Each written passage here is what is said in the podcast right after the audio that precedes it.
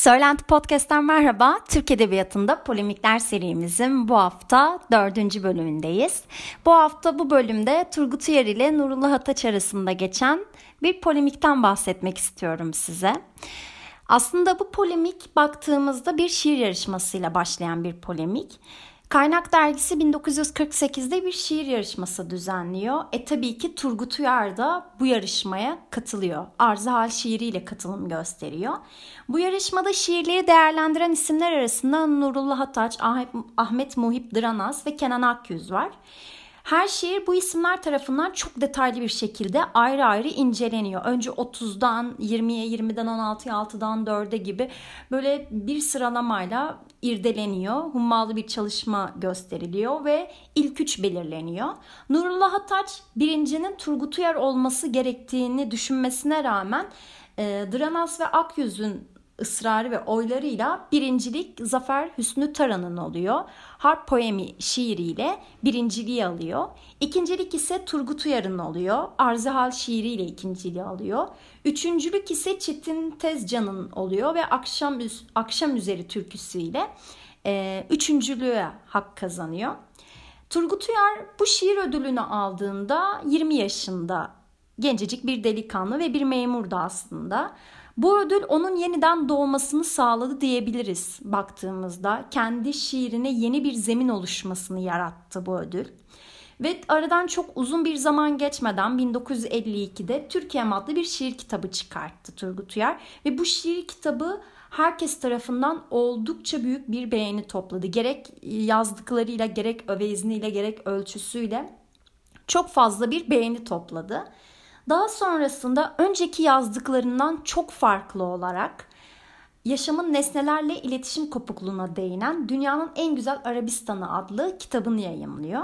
Burada ilginç olan şöyle bir nokta var. Nurullah Ataç ünlü bir eleştirmen ve çok iyi bir eleştirmen o dönemlerde. Ve henüz kimsenin e, bir kitabına ön söz yazdığı görülmemiş. Ama Nurullah Ataç kitaba ön söz yazıyor. Ve bu yazdığı ön sözde bu başarıda kendisinin de payı olduğunu, Turgut Uyar'ın e, büyük bir şair olacağına daima inandığını ifade ediyor. Ve Turgut Uyar için inanılmaz övgü dolu cümleler sarf ediyor. Yani Nurullah Ataç Turgut Uyar'ı bu kadar çok desteklerken, büyük bir şair olacağına inanırken, yarışmada birinci olması gerektiğini savunurken neden böyle bir polemik yaşıyorlar diye düşünüyor olabilirsiniz. Bu ikili arasında geçen polemik yani polemiğe dönüşen konu bir şair dayanışması meselesi oluyor aslında. Nedret Gürcan'ın Şairler Yaprağı dergisi 1955 Kasım sayısında Ataç şiirden anlar mıydı başlıklı bir soruşturma yayınlıyor. Ve bu soruşturmaya 3 kişi anlamaz, 2 kişi anlar şeklinde oylar veriyor. Tabii Turgut Uyar'a bu soruluyor. Turgut Uyar hiç düşünmeden yani soruyu çok irdelemeden sanmıyorum şeklinde bir cevap veriyor. Ataç Turgut Uyar'ın bu sanmıyorum cevabı karşısında çok büyük bir şaşkınlığa, hayrete düşüyor. Yani bunca zaman onu bu kadar çok destekleyen, arkasında duran, ön söz yazmış, e, o kadar övgü dolu cümleler kurmuş biri olarak Turgut Uyar'ın bu cevabına anlam veremiyor. Ama aslında Turgut Uyar bu durumu Nurullah Ataç'ın ölümünden birkaç ay önce kendisine bu konu hakkında soru sorulduğunda şöyle açıklıyor. Yani aslında o hiç düşünmeden cevap verdiğini, bu konu üzerine fikir yürütmeden e, aklından geçen ilk cevabı ağzından çıktığını, aslında öyle düşünmediğini, e, Nurullah Ataç'ın büyük bir üstad olduğunu düşündüğünü söylüyor.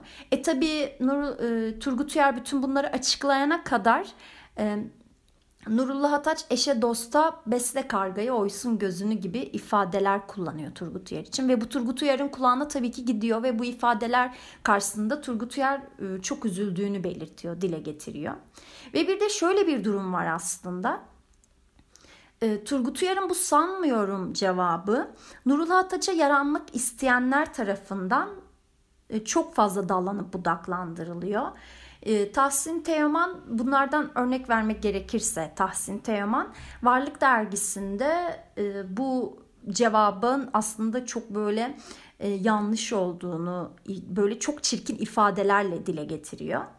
Ve bu şekilde sürekli Nurullah Ataç'ın karşısına bu cevap çıkıyor. Turgut Uyar'ın da karşısına sürekli e, hiç düşünmeden söylemiş olduğu bu cevap çıkarak bu polemik giderek büyüyor.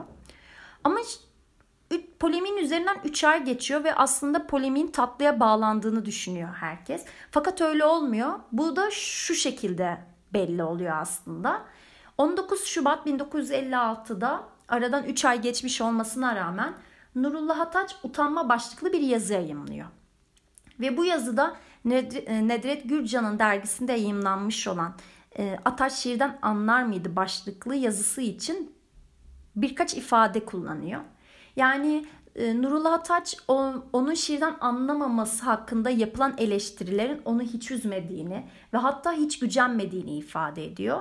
Bununla beraber şunu söylüyor Nurullah Ataç ona şiirlerini beğendirmek için etrafından ayrılmayan, gözünün içine bakan insanların olduğunu ve onların şiirlerini ne zaman beğenmese Ataş şiirden anlamıyor dediğini aktarıyor yazıda.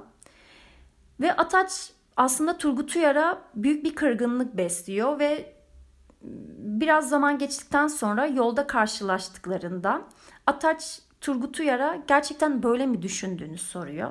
Ve Ataç şunu söylüyor. Yani şiirden anlamanın, e, şiiri beğenmenin, şiirden anlamanın tek ölçüsü aslında o şiiri sevmek olduğunu dile getiriyor. Ve diyor ki insan sevmeden anlamaya çaba harcayan bir varlık. Turgut Uyar da tabii ki Turgut, e, Nurullah Ataç'a katılıyor. Aslında onun şiirden anladığını, onun düşüncelerine daima saygı duyduğunu, bu ifadeyi hiç düşünmeden kullandığını, gerçekte böyle düşünmediğini dile getiriyor. Nurullah Ataç'a bu durumu aktarmaya, anlatmaya çalışıyor. Ve dergide yapılan soruşturmanın aksine böyle düşünmediğini söylüyor Nur, e, Turgut Uyar.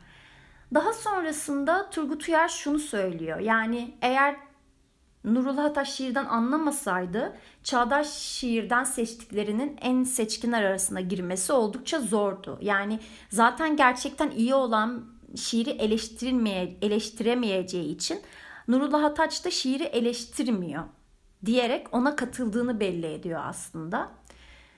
Aradan biraz zaman geçtikten sonra Ataş şiirden anlar mıydı makalesinin devamında Turgut Uyar gazete eleştirmeni kimliğinden dolayı beklemeye vakit olmadığı için yani Nurullah Ataç'ın beklemeye vaktinin olmadığını düşünerek e, Nurullah Ataç'ın şiirden anladığını fakat şairden anlamadığını dile getiriyor. Ve ölümünden bir, e, bir iki hafta önce Turgut Uyar'la Nurullah Ataç arasında bir konuşma gerçekleşiyor. Ve Nurullah Ataç aslında Turgut Uyar'a haklı olduğunu, onun oldukça yaşlandığını ve galiba artık pek anlayamadığını dile getiriyor. Turgut Uyar bu ifadeler karşısında onu onaylamıyor tabii ki.